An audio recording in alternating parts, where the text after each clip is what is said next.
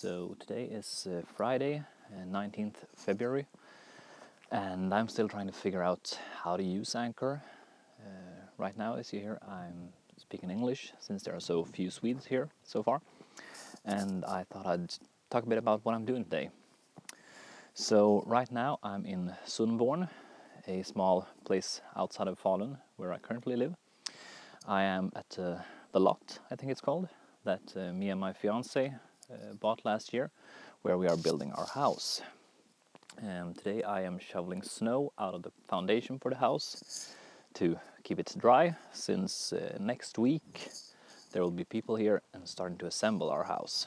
So, yeah, it's a fairly beautiful day, slightly cloudy, not very cold, and it takes time to do this, more time than I thought, but it's okay.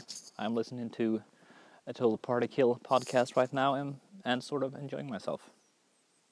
Okay,